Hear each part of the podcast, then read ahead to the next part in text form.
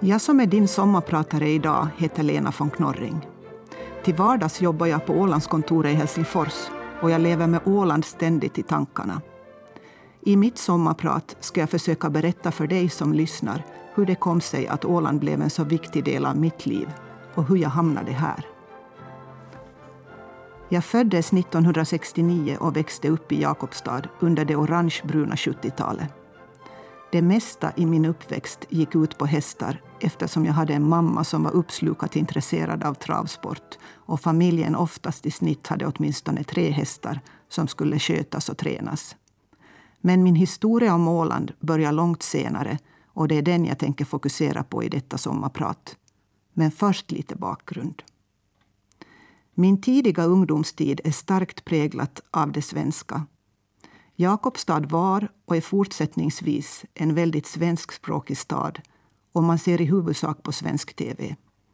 Anneli Rydé och Eva Dahlgren uppträdde på ungdomsdisco i Karleby idrottsgård i mitten av 80-talet.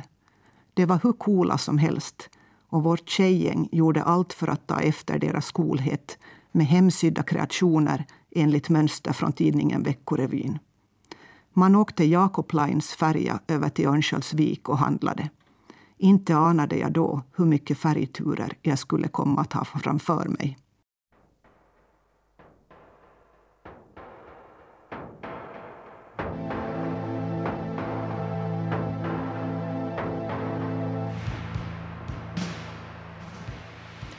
Du lyssnar på Sommarprat med Lena von Knorring. När vi kommer till sent 80-tal är axlarna breda, antingen på grund av axelvaddar eller av gymtrenden som kommer extra tidigt till Jakobstad och solbrännan konstant av regelbundet solariegrillande.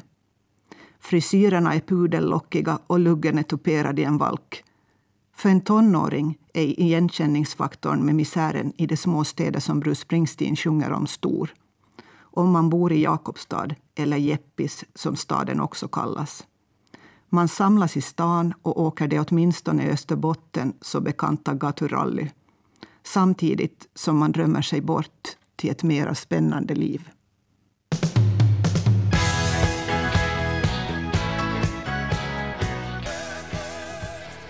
Jag som sommarpratar idag heter Lena von Knorring och jag har just börjat berättelsen om hur det kom sig att Åland betyder så mycket för mig. Under gymnasietiden arbetade jag flera somrar i rad som sjukhusbiträde på Malmska sjukhuset i Jakobstad. Min syster, som också sommarjobbade på sjukhuset och min mamma, som även jobbade som sjuksköterska cyklade ofta tillsammans dit på morgnarna. Lindrigt sagt så gillade jag det inte, men jag knegade på. Idag kan jag nog bättre förstå nyttan av att ha prövat på olika saker. Men just då hade jag svårt att inse nyttan av lärdomen med varför man gör som man alltid har gjort. Som till exempel att placera tekannan på exakt samma plats på frukostvagnen som man har gjort i minst 20 år. Kanske var detta extra svårt för en person som gillar förändring och gärna strävar till att utveckla och förbättra saker. Min tredje sommar på Malmska sjukhuset städade jag i den så kallade trappgruppen tillsammans med två gymnasiekillkompisar. Det blev en annorlunda och rolig sommar. Vi städade och gnodde på, men killarna lättade upp stämningen genom att åka städmaskin i full fart med golvmoppar som peruker. Och vi tänjde på det som det uppfattades av oss alltför rigida rutinerna. Och som vi skrattade. Jag vet inte om det är där någonstans och just då som jag bestämde mig för att välja ett mansdominerat yrke. Under gymnasietiden förstärktes känslan ytterligare och mina tidigare tankar på att studera på SOS och KOM i Helsingfors och bli journalist byttes småningom ut till en fix idé om att jag skulle bli polis. Ridande polis såklart. Jag är ju uppvuxen med hästar. Travhästar visserligen, men jag har ridit så länge jag kan minnas.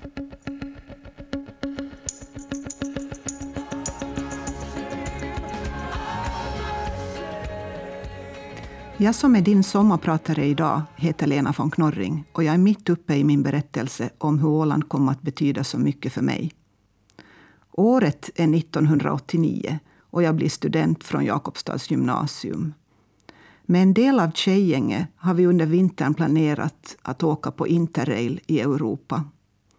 Men just innan vi ska åka iväg får jag ett erbjudande från Jakobstads polisinrättning att börja som praktikant och byråfunktionär. Och med tanke på mina planer på att bli polis så blir det svårt att tacka nej till chansen. Vännerna åker ut i Europa. Jag stannar och kopierar papper och sorterar hittegods i polishuset i Jakobstad. Trots den missade reseupplevelsen trivs jag bra och stannar kvar drygt ett år. Under en kaffepaus med konstaplarna hör jag första gången talas om Ålands polisdistrikt, som det hette på den tiden. Och en av konstaplarna har som det kallas arbetat som sommarpolis på Åland. Kaxigt målmedveten som jag är så tänker jag att kan han så kan jag. Jag ansöker och en dag ringer telefonen och den dåvarande kommissarien på Ålands polisdistrikt erbjuder mig ett jobb som polis. Jag är överlycklig och förstås helt uppe i det blå.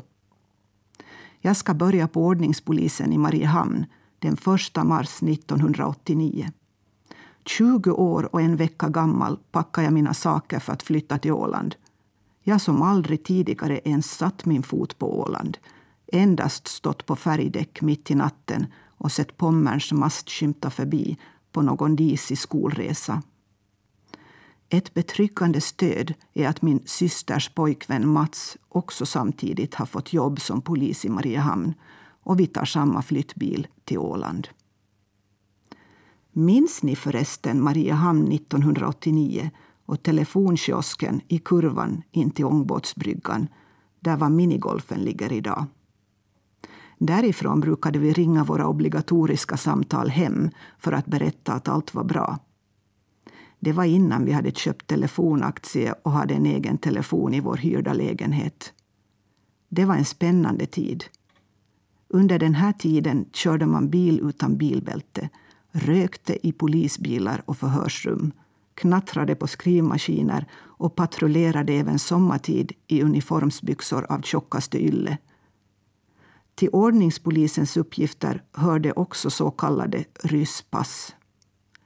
Man patrullerade till fots utanför det ryska konsulatet och vintertid kunde man få värma sig i en liten barack. Detta var före mobiltelefonerna.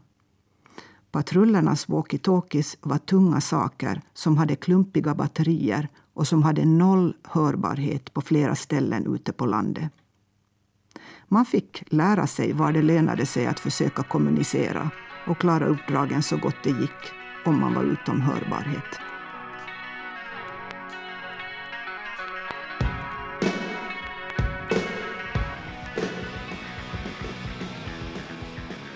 Vete tusan om jag idag hade vågat bli polis som nyss fyllda 20 år utan utbildning. Eller jag hade inte tillåtit mig själv att ens försöka. Idag förundras jag över att det alls var möjligt att ha ett så ansvarsfyllt arbete helt utan utbildning. Med ungdomens oräddhet och inställningen att allt ordnar sig kan man klara en del utmaningar. Men nog finns det flera händelser som man så här i efterhand kan konstatera att det behövdes en hel del tur också. Det hände ibland att det kanske var lite för många sommarkonstaplar på jobb samtidigt och den samlade livserfarenheten var inte alltför hög. Detta kompenserades med entusiasm och positiv inställning och i efterhand kan man väl konstatera att allt gick förhållandevis bra ändå. Senare, när jag har utbildat mig, blir jag nästan bestört när jag inser vilket ansvar och vilket förtroende man fick och hur lite man egentligen hade koll på. Jag har alltid gillat att lära mig nya saker och jag ville förstås börja polisskolan så fort som möjligt. Min kollega Bodil Berg, som var en riktig polis som gått den första grundkursen på svenska i polisskolan, blev min goda förebild och mycket förtrogna vän. Jag hade själv missat den första svenska poliskursen då jag varit för ung. Men jag var för otålig och tänkte inte vänta på följande svenska poliskurs som på den tiden var mycket ovisst om när den skulle ordnas. På våren 1991 ansökte jag och kom in på en grundutbildning till polis på finska i Tammerfors. Jag minns att jag intervjuades på finska och att jag i min typiska varför inte-stil hade gått med på att inrikesministeriet som gjorde en film om intagningar till polisskolan skulle få filma mina prestationer under dagen. Förutom fysiska tester filmade man intervjun. När intervjun var över hade jag glömt filmandet och micken och höll på att riva med mig stativet. Det hade varit roligt att få se den filmen idag, eller så inte. Något måste jag ändå ha gjort rätt, för jag kom in på utbildningen. Med endast gymnasiefinska i bagaget flyttade jag till Tammerfors 1991 för att börja utbildningen. Det blev lite av en språkchock och speciellt efter några år på Åland när jag knappt hade hört någon finska alls. När jag försynt frågade min klasslärare om det möjligtvis kunde gå att få någon del av kursmaterialet på svenska fick jag till svar att det här är en finsk kurs och att den går på finska. Så jag studerade på finska. I början fick jag ibland översätta ord för ord. Jag måste erkänna att jag nog ibland ville ge upp. Men jag kämpade på. Till saken hörde att jag fått erbjudande från Ålands polisdistrikt där jag var anställd att få lön under min studietid mot att jag förband mig till att komma tillbaka till Åland efter avslutad grundkurs i polisskolan för minst två år. Hade jag inte nappat på detta hade jag kanske idag patrullerat Helsingfors gator till häst. Vem vet? Hästar och ridning har alltid varit ett av mina största intressen och jag är som jag berättat tidigare uppvuxen i en familj med en synnerligen travsportintresserad mamma och min dröm har varit att bli ridande polis. Du lyssnar på Sommarprat med Lena von Knorring. Jag har kommit en bit in i min berättelse om mitt förhållande till Åland. Vi befinner oss nu i tidigt 90-tal. Efter polisskolans grundutbildning blev det några år av praktik på ordningspolisen i Mariehamn.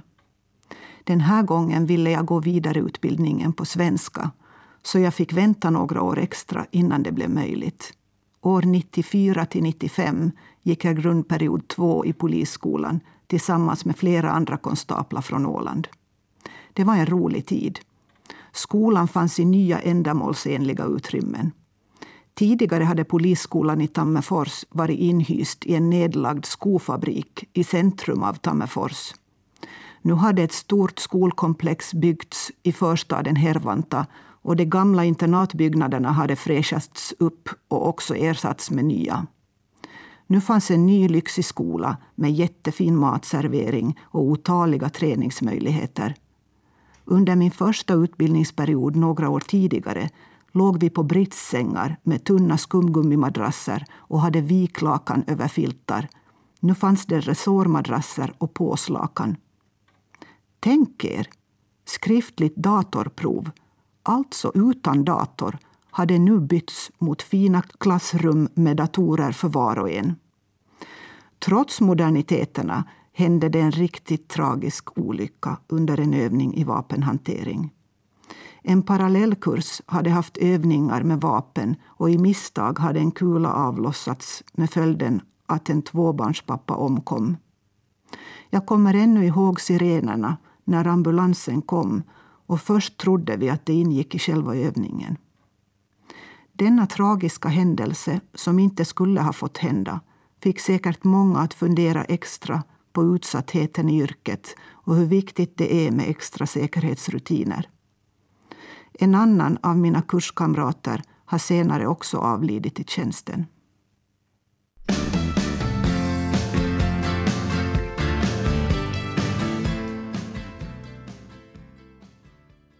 Du lyssnar på Sommarprat med Lena von Knorring som till vardags är chef vid Ålandskontoret i Helsingfors.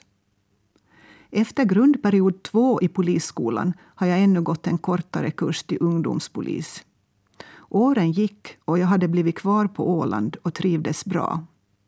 Förutom mitt hästintresse hade jag börjat intressera mig för byggnadsvård och gamla hus. Drömmen om att bli ridande polis fick vänta. Där och då var jag nöjd med att vara polis till yrke och ha en egen häst att rida och köta på fritiden. Jag har alltid gillat gamla hus. Varifrån det kommer vet jag inte. Men när jag var liten och tillbringade tid hos mormor i Yttermark i södra Österbotten brukade vi med min syster och kusin upptäcka ödehus som det fanns ganska gott om. Ibland om dörren stod öppen så gick vi in och tog oss en titt. Eller så får jag skylla intresset på Astrid. Kanske är det Emil, Madicken och Pippi som fått mig att älska det genuina gamla. Idag gillar jag att vårda och så att säga rädda gamla hus. Eller jag gillar helt enkelt att förbättra saker. Oftast riktiga skrutthus. Det har blivit ett och annat genom åren. Min poliskollega Bodil som jag berättat om tidigare, tröstade mig en gång när jag var ledsen för att ha gått miste om ett speciellt gammalt hus och sade Lena, det kommer nya hus. Och hon hade sannerligen rätt. Det kommer alltid nya hus och det finns alltid hus att ta hand om och förbättra. Som bäst håller jag på att vårda ett hus i Eckerö Marby och jag gör mitt bästa för att det ska bevaras för eftervärlden. Vem vet, kanske det ännu kommer flera hus som behöver räddas. Ibland förbannar jag nog mitt intresse och önskar att jag istället vore en minimalist med vurm för det nybyggda.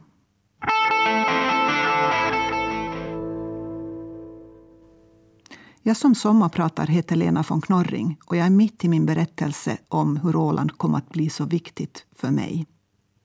Jag har alltid behövt förändring och blir ganska lätt uttråkad. Jag gillar att lära mig nya saker och under åren som polis hittade jag ett sätt att stilla min vetgirighet. Öppna högskolan på Åland ordnade kurser i psykologi och juridik och jag betade av en efter en tills det inte gick att samla mera studiepoäng via högskolan. Det skulle dock ta ett bra tag innan jag skrev in mig vid Åbo Akademi och tog min rättsnotarieexamen. Som man brukar säga så kom livet emellan. Efter att jag hade arbetat tio år inom polisen så började skiftesjobbet kännas slitsamt. Mina sista år som polis hade jag förmånen att arbeta som trafikpolis med världens bästa kollega, Rolle. Vi hade nästan oförskämt roligt på jobbet och det gick inte ett jobbpass utan att vi skrattade halvt ihjäl oss. Med Rolles entusiasm patrullerade vi även med båt sommartid.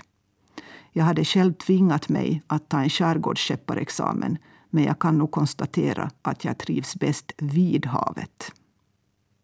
Vi besökte skolor och daghem i förebyggande syfte och Trafikjokern, som var en undervisning i trafik i lättsam tävlingsform, gjorde att vi under vårarna fick möjlighet att besöka alla skolor runt om på Åland. Också skärgårdsskolorna en tidig morgon lastade vi bilen för att ta färjan till Brändö skola. Halvvägs frågade Rolle om jag kommit ihåg datorn med trafikjokerprogrammet. På den tiden var det en rätt skrymmande sak som skulle kopplas till en tv-apparat. Jag hade glömt att lasta den förstås och nu satt vi på färjan. Det var bara att köra programmet ändå. Som tur kunde vi nästan alla 200 frågor utan till det blev att rita trafikkorsningar på svarta tavlan och snabbt få ihop till 30 frågor ur minnet. Men det gick bra ändå.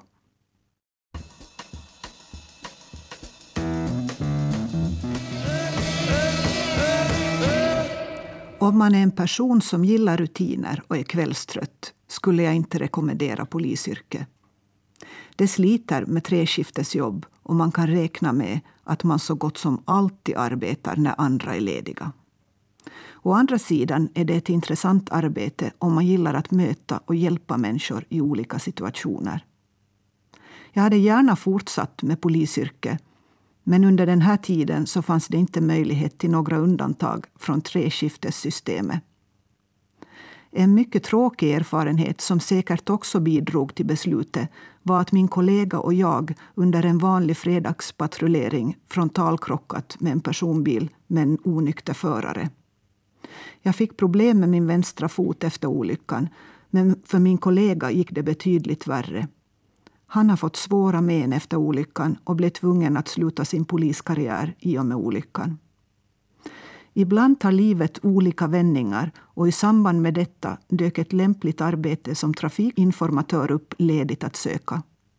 Jag sökte förstås och började arbeta som trafiksäkerhetskonsulent vid Ålands landskapsregering och dåvarande kansliavdelning. Under det första året satt jag på Motorfordonsbyrån innan en omorganisering gjorde att arbetet kom att höra till trafikavdelningen istället och det blev flytt till landskapsregeringen. Det var egentligen en naturlig fortsättning av det förebyggande arbetet i skolorna och det kändes helt okej okay att hålla moppekurser. Inga problem alls faktiskt, trots att jag aldrig i hela mitt liv, åtminstone hittills, kört moped. Dock har jag kört motorcykel. Jag hade redan som 16-åring tvingat min pappa att prenumerera på tidningen Wheels åt mig och jag drömde om att någon gång ha en motorcykel. I 20-årsåldern skaffade jag en Harley Davidson årsmodell 1947. Jag köpte den tillsammans med en låda reservdelar av en polis i Stockholm och det tog tio år innan jag fick den i någorlunda originalskick. Jag tror att alla serviceställen för motorcyklar på Åland har haft min motorcykel på service. Jag försökte mig på att skruva själv en gång och plockade med handbokens hjälp isär förgasaren. Men jag inser nog att man behöver ha mycket mer tekniskt intresse än vad jag har om man ska ha en gammal veteranmotorcykel. Den lärde mig dock en hel del om tålamod och jag har nog fått skuffa den ganska långa sträckor sammanlagt när den vägrade starta. Min motorcykel fick ändå följa med i flyttlasset från Åland till Helsingfors 2006.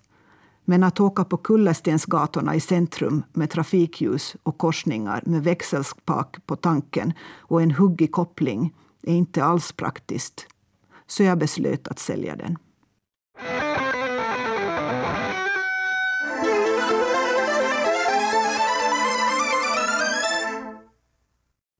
Som jag tidigare har berättat så har jag alltid gillat hästar och ridning. När jag i början av 2000-talet fick höra att man skulle ordna en fritidsledarutbildning med inriktning på ridning vid Naturbruksskolan så kunde jag inte låta bli att söka och ta ett sabbatsår från trafiksäkerheten. Att gå på lantis var roligt och kanske tänkte jag någon gång tanken att det kunde vara en bra merit för att bli ridande polis. Kanske är det dock bäst att hålla intressen skilda från jobb. Som det ser ut nu så verkar det i alla fall inte bli något av min ursprungsplan. Men jag är nog lika glad ändå.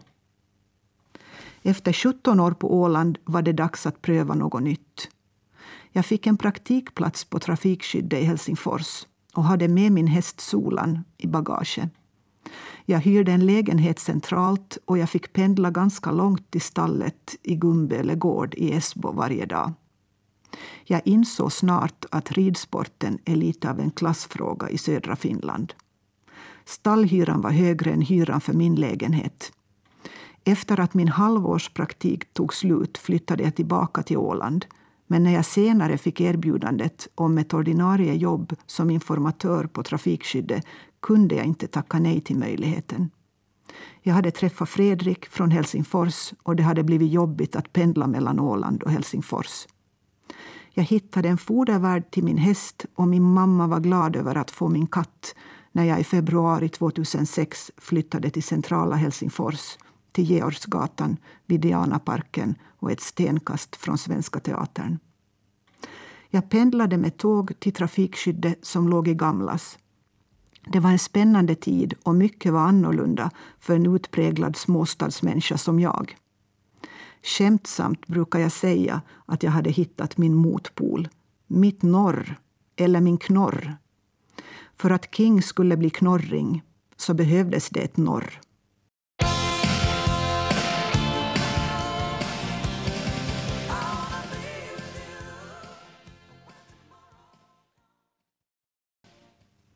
Jag trivdes mycket bra på trafikskyddet. I början fick jag verkligen anstränga mig eftersom arbetsspråket är finska och jag var den enda svenskspråkiga.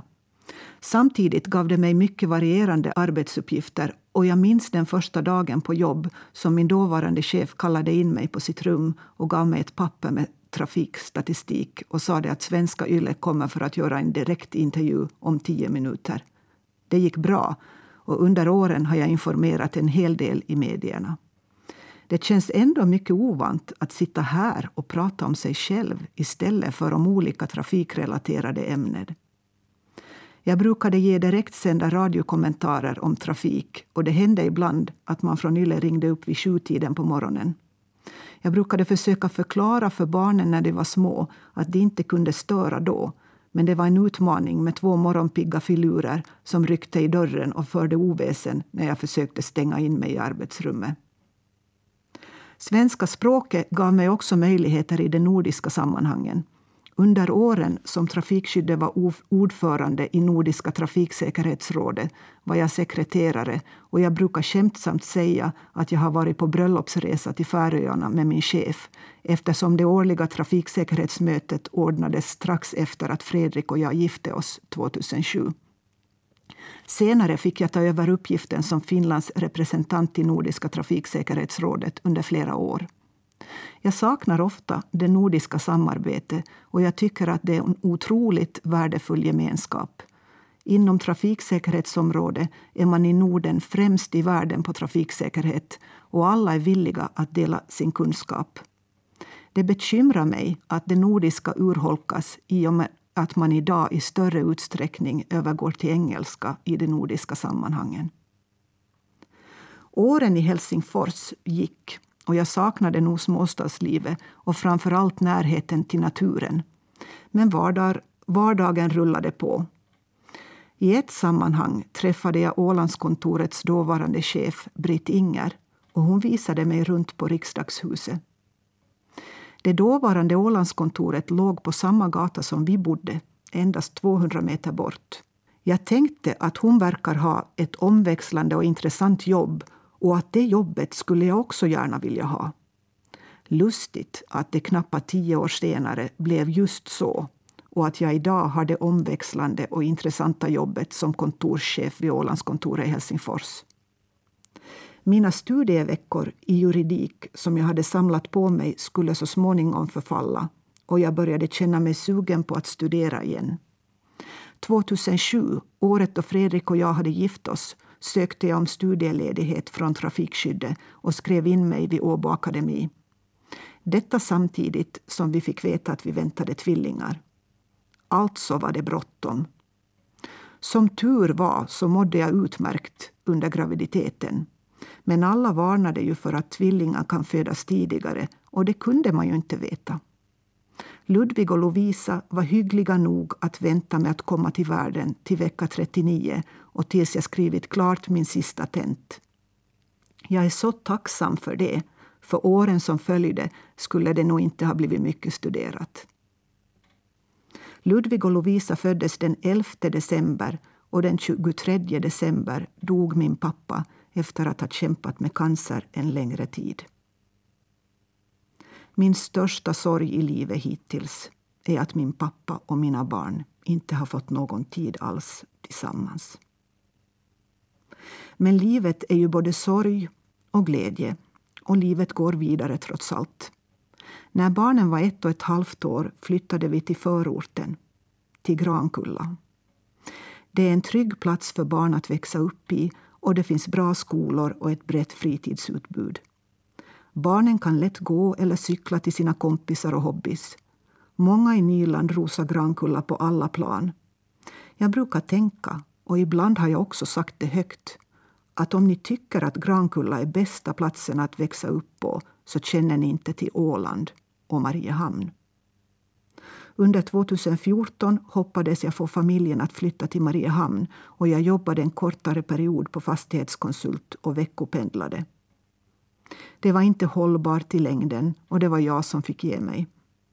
Nu bor vi i Grankulla men jag vill försöka ge barnen så mycket av Åland som möjligt och vi har alltid delat somrarna mellan Åland och Ekenäs. En ständigt viktig länk till Åland är också min kära syster Maria och hennes familj. Jag är så tacksam över att ha en så klok och fin syster och för att vi har en så bra kontakt trots att vi är så olika. På tal om släkt, och för er som kanske undrar. Jo, Ludvig och Lovisa är släkt med Frans Petter von Knorring. Frans Petter är deras farfars farfars farfars bror.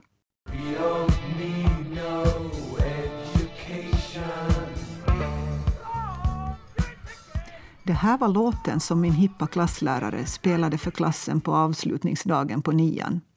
Jag är glad att jag trots budskapet alltid har gillat att studera och lära mig nya saker. Detta trots att jag också senare hade en mattelärare som tyckte att flickklassen som jag gick i på gymnasiet inte behövde vare sig lång matematik eller fysik eftersom vi ändå alla borde söka till Högvalla husmodersskola. Inte tunt om Högvalla, men den typ av generalisering och diskriminering hade ju inte funkat idag. Jag kan inte låta bli att spela nästa låt med det alltid lika aktuella temat. Detta trots att låten är från slutet av 60-talet.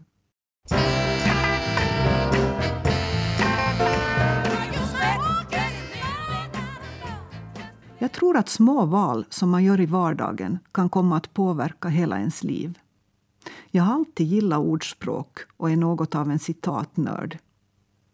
Det är möjligt att låta bli att välja men om man låter bli att välja så ska man veta att även det är ett val.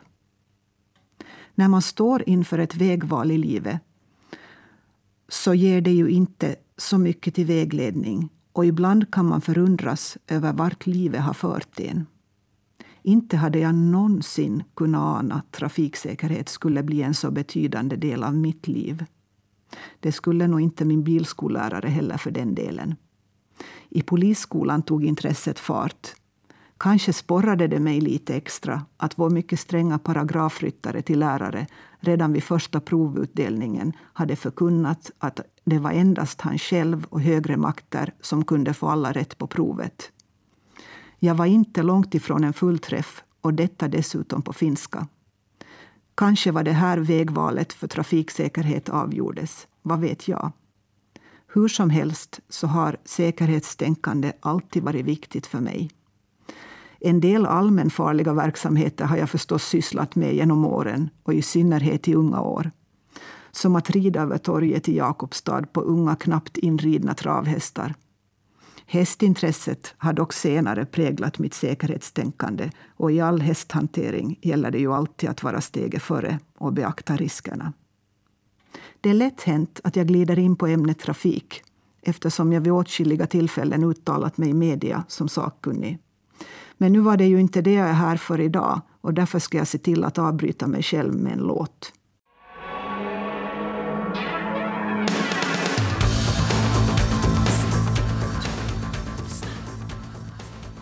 Men vad är det då som gör Åland så unikt för mig? Naturen är ju förstås alltid nummer ett. Sedan det sköna tempot. Pulsen är en annan. Ekorrhjulet spinner inte lika fort. Man har mera tid till livet. Man kan på en kort stund efter jobbet göra flera ärenden som i Helsingfors skulle ta flera dagar i anspråk. Man kan få personlig betjäning och till exempel gå in på en bank och mötas av bekanta ansikten och du kan mötas av samma läkare flera än en gång. I mindre samhällen har man ett sammanhang och tryggare ramar.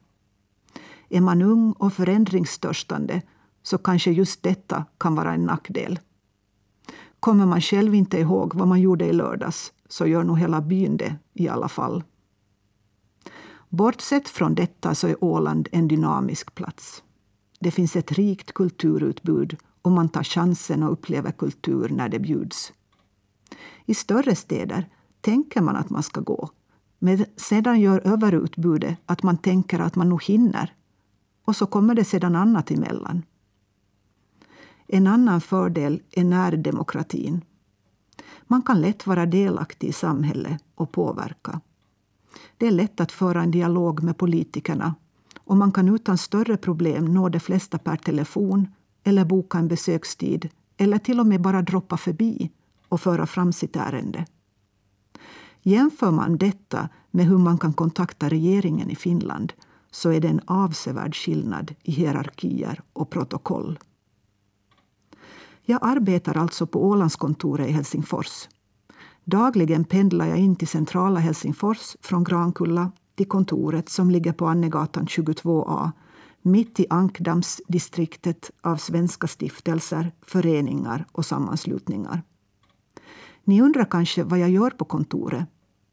Ålandskontoret är grundat i mitten av 80-talet för att vara en samverkande länk mellan Finland och den åländska förvaltningen, politiken och näringslivet.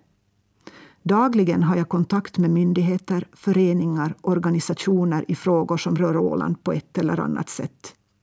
Jag håller också kontakt med riksdagen och är medlem av den svenska riksdagsgruppen och vid behov är jag en extra resurs till den åländska riksdagsmannen. Till min uppgift hör att synliggöra Åland och att förbättra kommunikationen mellan Åland och fastlandet åt båda håll. En av de aktuella sakerna är att koordinera Ålands landskapsregerings medverkan i Suomi Arena i Björneborg. Detta år ordnade vi en egen diskussion med temat Åland som testområde för hållbara energikällor. Diskussionen streamades, så lyssna gärna om du är intresserad. Mitt sommarprat börjar lida mot sitt slut. Jag som sommarpratat idag heter Lena von Knorring. Om du har vägarna förbi Annegatan 22 i Helsingfors så kom gärna förbi Ålandskontoret och hälsa på. Eller så ses vi kanske på Åland. När jag åker ut till Marby brukar jag ibland lyssna på Edith Piafs Jag ångrar ingenting. Och jag tror på riktigt att det är enklare att leva efter den kända klyschan man ångrar bara det man inte gjorde. Och kanske det är just därför jag tog chansen att berätta det här för er.